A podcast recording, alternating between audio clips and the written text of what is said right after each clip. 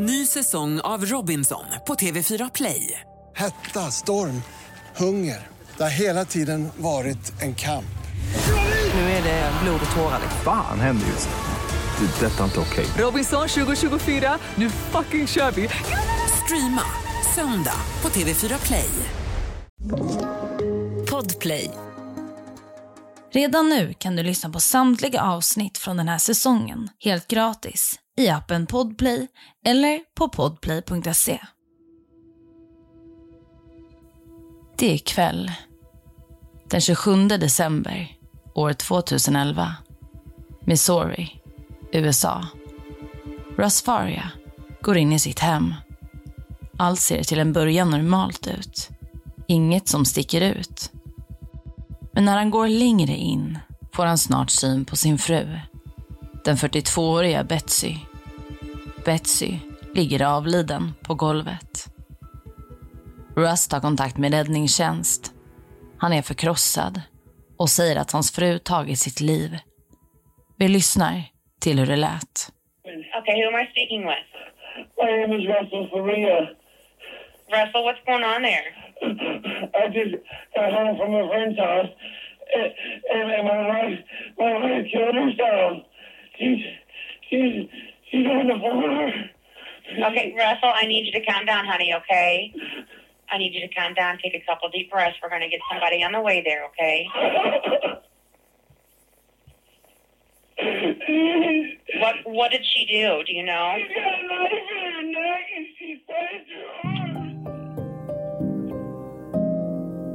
Du lyssnar på Jakten på mördaren.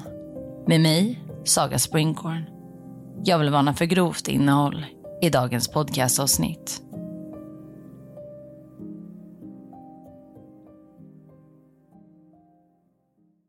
Betsy föddes den 24 mars 1969.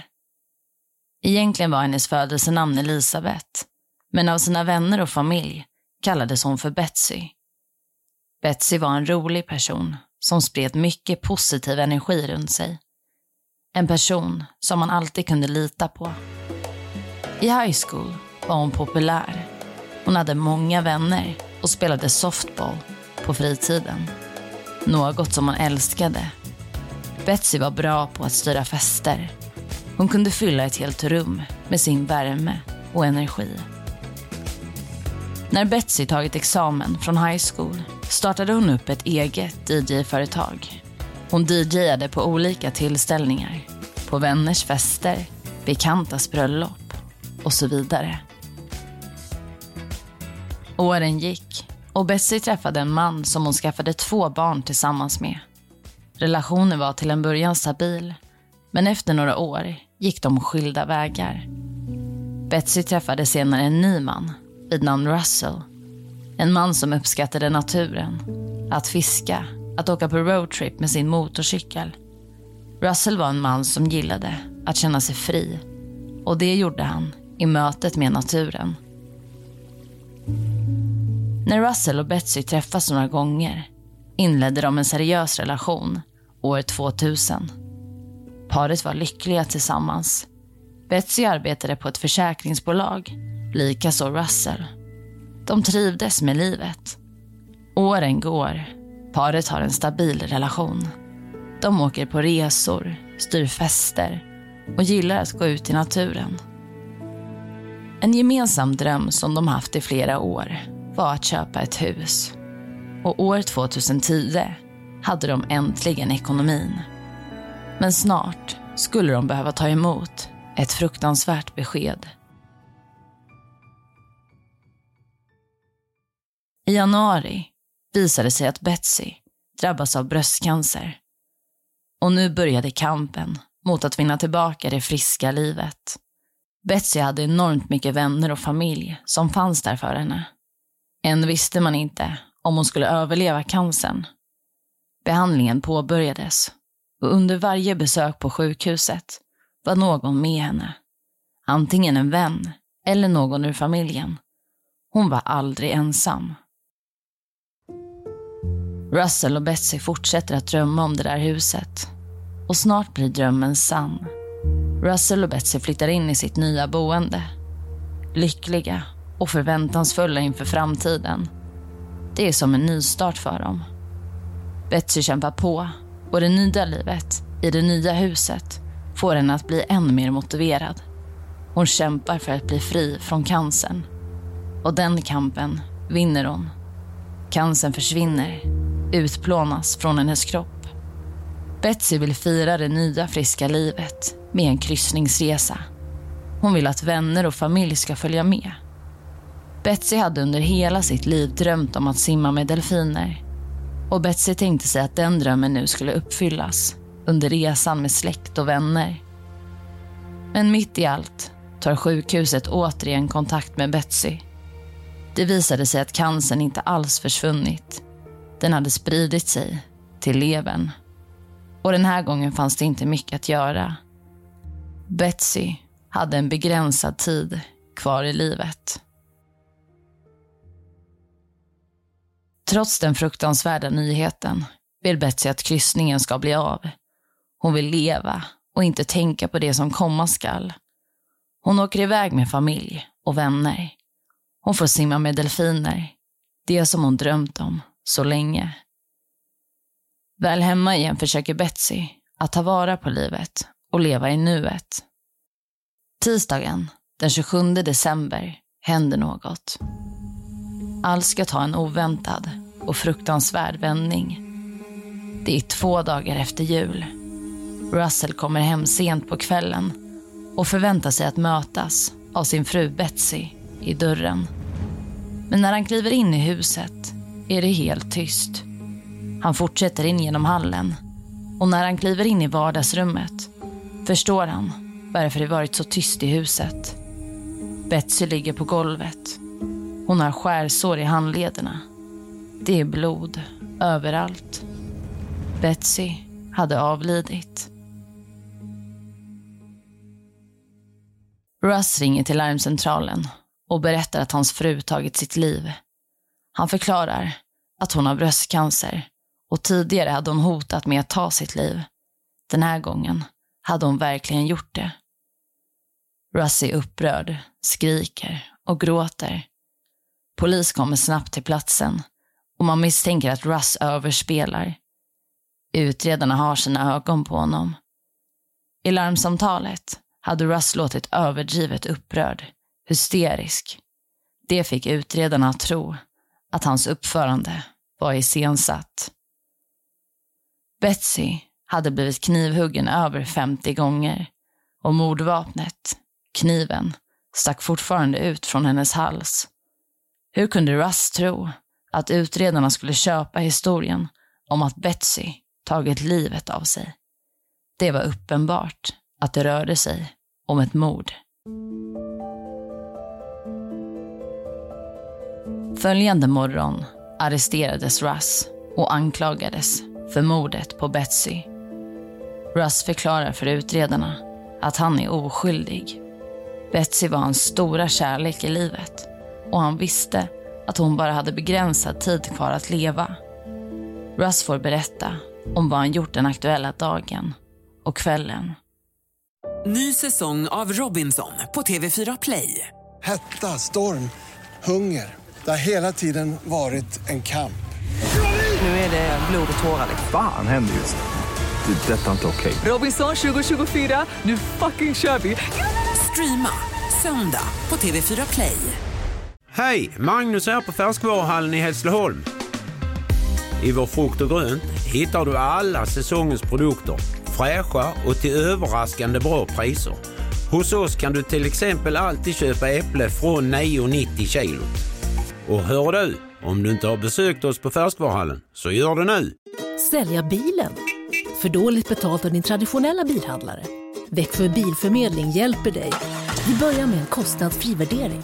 Tänk vad skönt att slippa tvättning, fotografering och ta hand om alla tänkbara och otänkbara köpare. Se vår instruktionsfilm på Facebook om hur det fungerar och anlita oss. Växjö Bilförmedling. Russ hade arbetat till klockan 17.00. Han hade suttit i bostaden och arbetat. En gång i veckan brukade han äta middag med sin mamma och det var planen just den här dagen. Utöver det var tanken också att Russ skulle möta upp några vänner för en spelkväll efter middagen med sin mamma. Precis som middagen med Russ mamma hade vännerna en veckovis tradition där de möttes upp för att spela spel. Russ lämnar hemmet och åker för att uträtta några ärenden. Han tankar bilen och förstår att han inte kommer hinna äta middag med sin mamma. Han ringer till henne och säger att det blir tajt då han ska träffa sina vänner.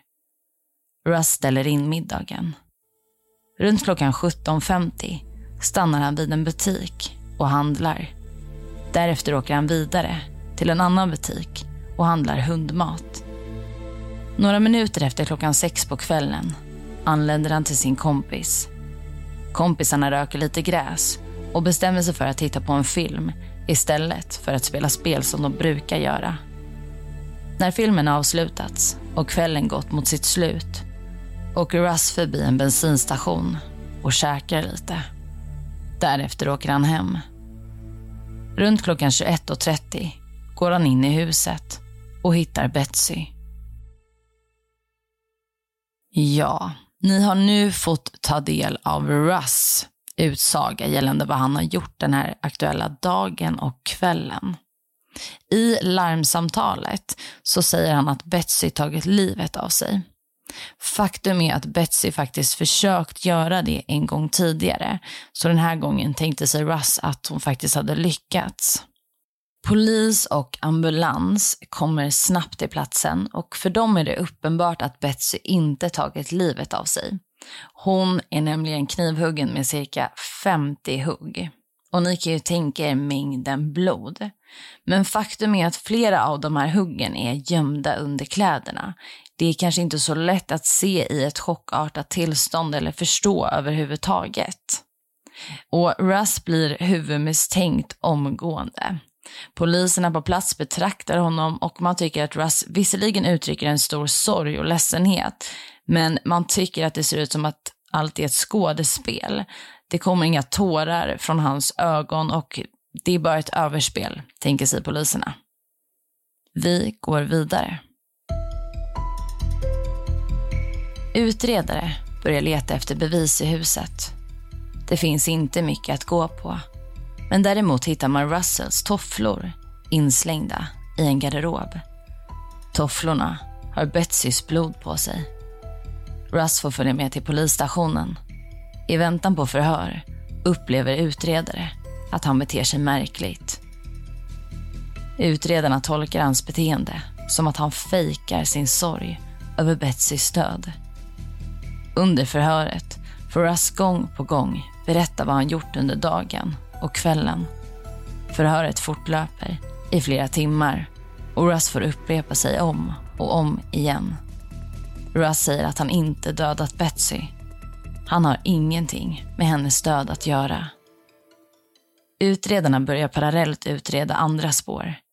Betsy hade varit på sjukhuset under den aktuella kvällen för cellgiftsbehandling.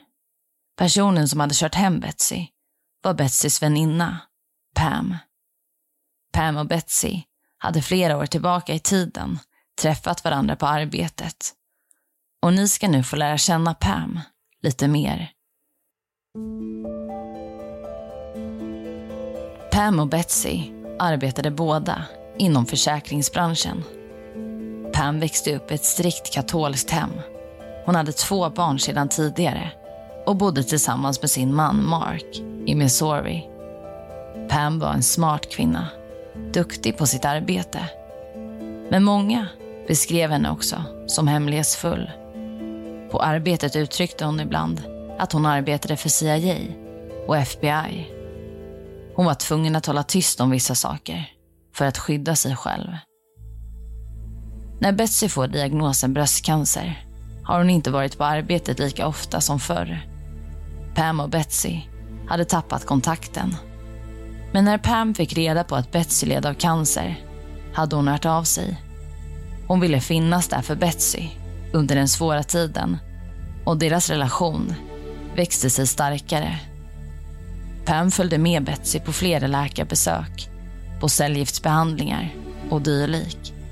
De umgicks mycket, fikade och promenerade tillsammans.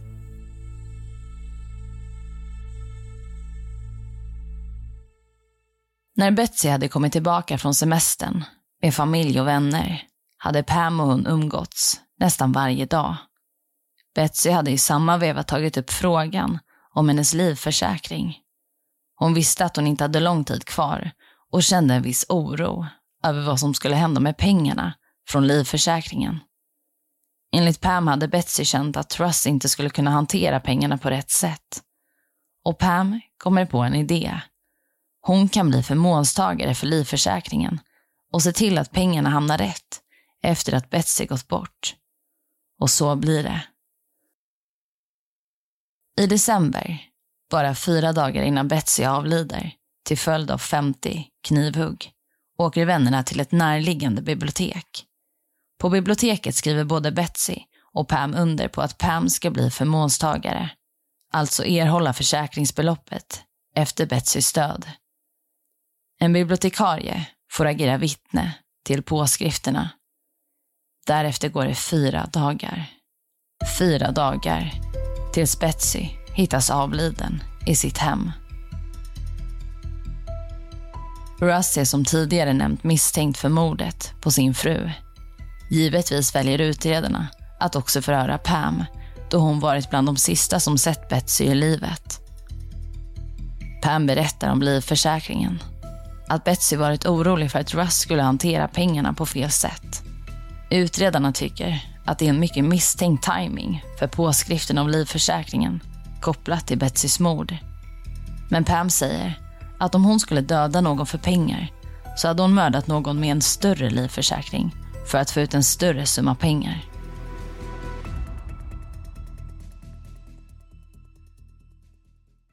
Ja, Betsys familj hade ingen aning om den här livförsäkringen, att den förändras, att Pam nu var förmånstagare. För dem var det här väldigt märkligt och något helt nytt. Pam får berätta om vad hon gjort den aktuella dagen och kvällen. Och det som är primärt här är ju då att Pam hämtat upp Betsy runt klockan 18.30 på sjukhuset. Därefter hade Pam kört hem henne och efter det åkt hem till sig själv. Inledningsvis så är det inga problem med Pams historia, man köper den helt och hållet. Hon säger dock att hon varit lite orolig för Betsy, då Betsy skulle gå in helt själv i huset. Dörren hade nämligen stått olåst och Betsy glömt nyckeln. När hon pratat med Russ kom de fram till att han skulle låta bli att låsa dörren när han senare lämnade huset. När Pam släpper av Bessie så ser hon att Russ bil står på uppfarten och det här gör henne än mer orolig faktiskt. Pam berättar för utredarna att hon varit orolig då Russ är en mycket våldsam person som lätt kunde bli arg för småsaker. Och Pams historia om den aktuella dagen och kvällen kommer att förändras fram och tillbaka. Vid ett tillfälle säger hon att hon gått in i huset med Betsy och att hon senare bäddat ner henne i sängen. Senare berättar hon återigen om den där bilen som stått på uppfarten, att det kanske inte var Russ bilen då. Ja, så utredarna får väldigt många olika historier från Pam, men man misstänker ändå inte att Pam är inblandad i Betsys död. Utredare kan se att Pam har ringt ett samtal till Betsy klockan 19.27. Hon säger att hon stannat vid sidan av vägen i närheten av Betsys hem och ringt till Betsy då hon varit rädd att Betsy var arg på henne. Vidare så hade Pam ringt till Betsys mamma för att hon inte fått tag på Betsy och Betsys mamma tyckte också att det var väldigt märkligt för Betsy hade väl antagligen gått och lagt sig tänkte hon. Ja, det är lite rörigt och komplicerat. Men jag tänker att vi går vidare. Russ får nu genomgå ett lögndetektorstest ungefär två dagar efter att Betsy hittats i hemmet. På frågan om han dödat sin fru säger han nej.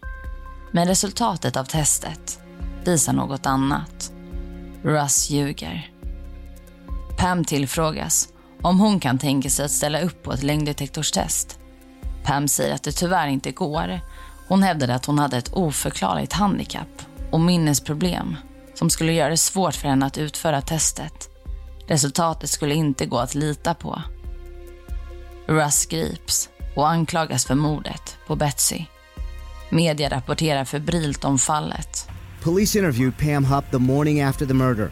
She told investigators Betsy had just signed over to her a $150,000 life insurance policy and that Betsy told her what she wanted Hupp to do with the money. And she goes, Would you be my beneficiary on my life policies and make sure my kids get when they need it? Hupp drove Betsy home December 27, 2011. Hours later, Betsy Faria was found stabbed to death.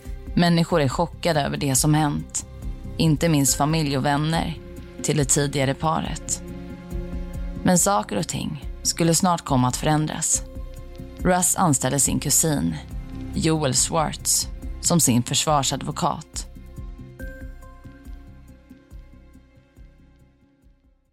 Ny säsong av Robinson på TV4 Play. Hetta, storm, hunger. Det har hela tiden varit en kamp. Nu är det blod och tårar. Fan händer just nu. Det. är Detta är inte okej. Robinson 2024, nu fucking kör vi! Streama söndag på TV4 Play.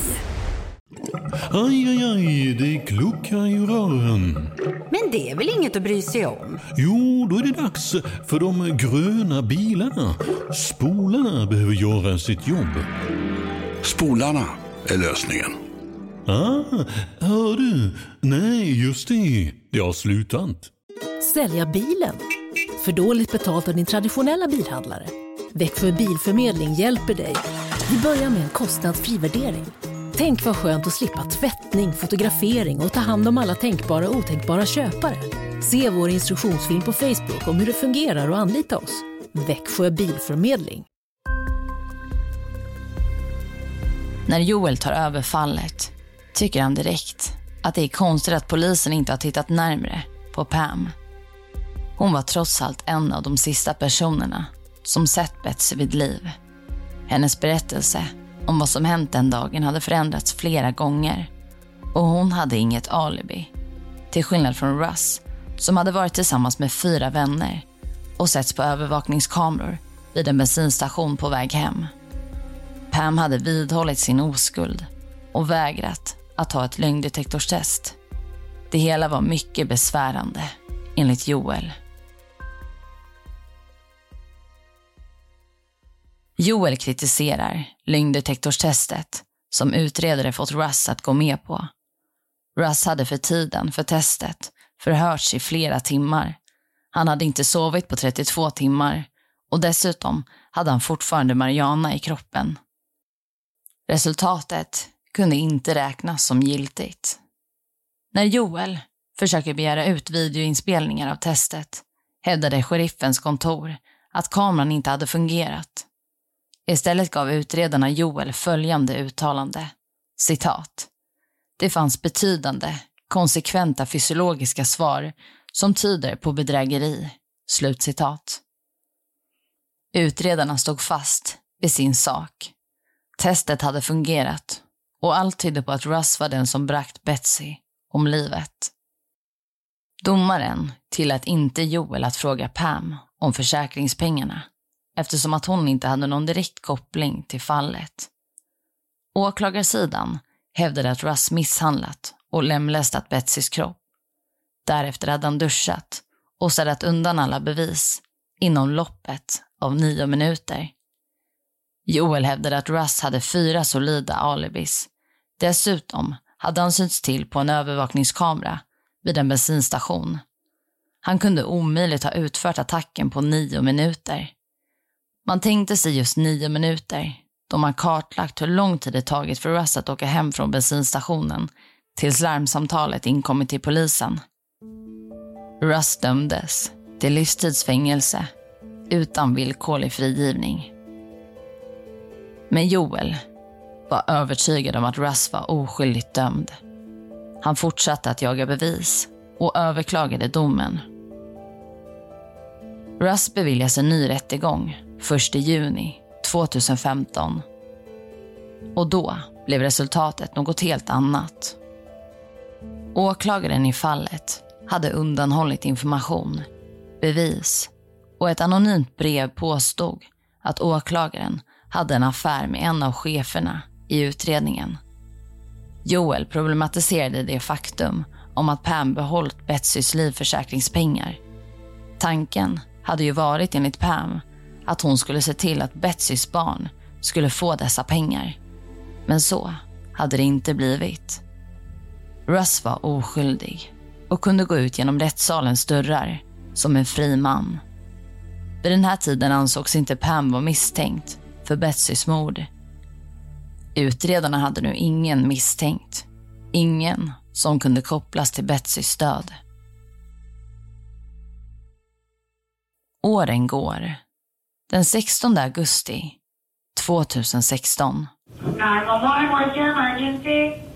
Hey, hello, there's someone breaking in my house. Help! What's the address you're at? Help! Woman, you, you, you want me to get your wife? I'm getting in the car with you. No, get away. address? Get out, get out, get out! Pam ringer in till larmcentralen. Hon är upprörd och berättar vad som hänt.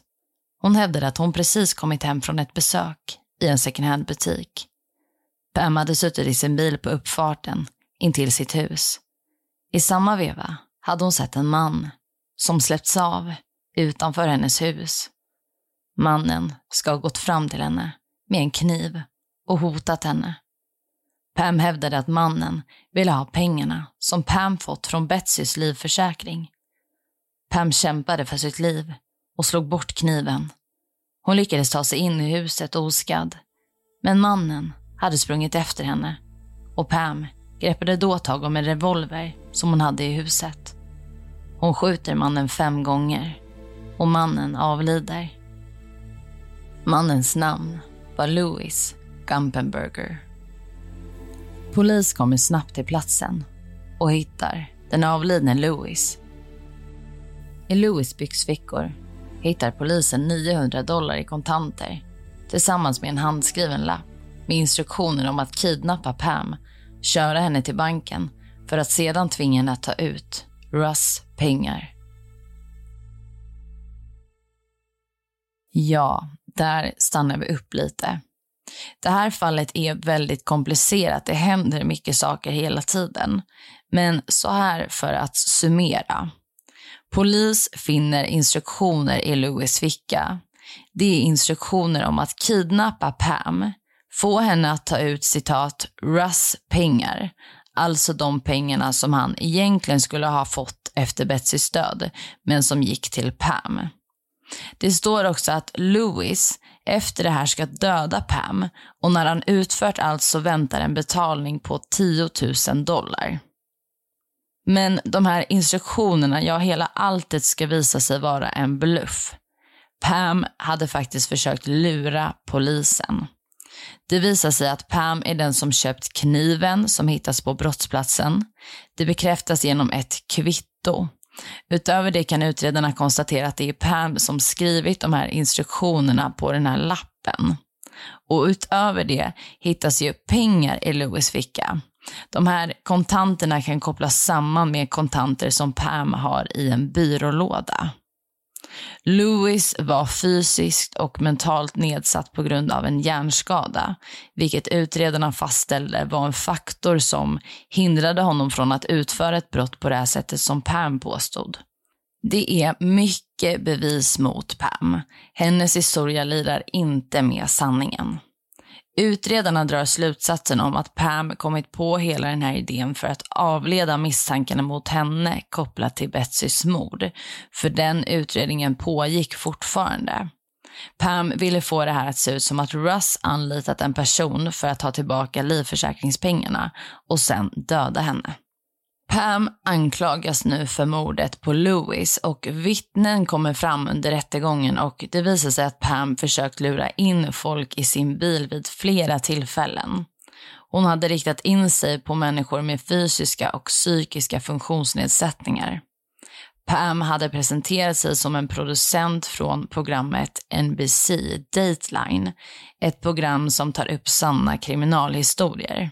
Pam hade sagt att hon letade efter någon som kunde hjälpa henne med att återskapa ett telefonsamtal till polisen för det här programmet då. Och Dessvärre blev ju Louis ett enkelt offer för henne då han hade fysiska och psykiska funktionshinder efter en bilolycka år 2005. Och det faktum att Pam hade försökt lura in flera människor med funktionshinder och funktionsnedsättningar tyder på att hon planerat det här brottet under lång tid. Och nu vill jag varna för att det som kommer härnäst kan vara triggande. Det är kopplat till självmord och självskada. När Pam arresteras för mordet på Louis är det tydligt att hon mår väldigt dåligt. Vid ett tillfälle sitter hon i ett förhörsrum. Förhörsledare har lämnat rummet och på bordet står bland annat en vattenflaska och intill den här vattenflaskan ligger en penna. Pam känner vid sin hals. Det ser ut som att hon försöker leta efter halspulsådern. Sen drar hon till sig vattenflaskan på bordet och lite sneaky försöker hon liksom dra med sig pennan. Och så snabbt drar hon ner pennan under bordet och gömmer den sen i sina kläder. Hon ber lite senare om att få gå på toa och väl på toaletten så hugger hon sig själv med pennan i nacken och på sina handleder. Hon räddas av polis efter det här. Ja, jag hoppas att ni hänger med i den här historien och att jag förklarar det här på ett bra och förståeligt sätt. Det är ett så bisarrt och komplicerat fall det här. Vi går vidare. Den 19 juli 2019 ingav Pam en Alford plea i rättegången kopplat till mordet på Louis. Detta gjorde att hon kunde undvika dödsstraff. Alford plea tillät henne att erkänna att polisen hade tillräckligt med bevis mot henne för att finna henne skyldig till brottet. Men hon erkände inte sin skuld till själva handlingen. Hon dömdes till livstidsfängelse för mordet på Louis. Men inte nog med det. Pam hade gjort bort sig. Misstankarna mot henne kopplat till Betsys död växte sig starkare. Och utredare hade uppenbart inte gjort ett tillräckligt bra jobb fram tills nu. Den 12 juli 2021 åtalades Pam för första gradens mord på Betsy. Hon vidhåller än idag sin oskuld och rättegången har tvingats skjutas upp då Pams försvarare plötsligt avled av en hjärtattack. Men allt pekar på att Pam kommer att dömas för mordet. Och det var allt för dagens avsnitt. Vill du komma i kontakt med mig så kan du skriva till mig på Instagram där jag heter Saga Springkorn eller mejla till jaktenpamordaren at springkorn.se. Tack för att du har lyssnat. I nästa avsnitt av Jakten på mördaren kommer du att få höra om fallet med Soanne Hobson. Soanne döljer sitt förflutna. Hon letar efter en person att leva livet tillsammans med. En person som kan försörja henne. En dag träffar hon den rätta. Men sonen som mannen har från en tidigare relation ställer till det för paret. Snart är en 13-årig pojke försvunnen. Och det verkar som att ingen vet var han tagit vägen. Om du inte vill vänta och vill lyssna på avsnittet redan nu så kan du göra det helt gratis i appen Podplay eller på podplay.se.